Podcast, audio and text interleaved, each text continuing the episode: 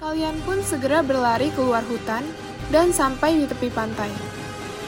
Di kejauhan, kalian melihat rakit kayu yang sudah tidak terpakai dan memutuskan untuk menggunakan rakit tersebut untuk kabur dari kejaran Cerberus yang marah karena kalian ganggu tidurnya.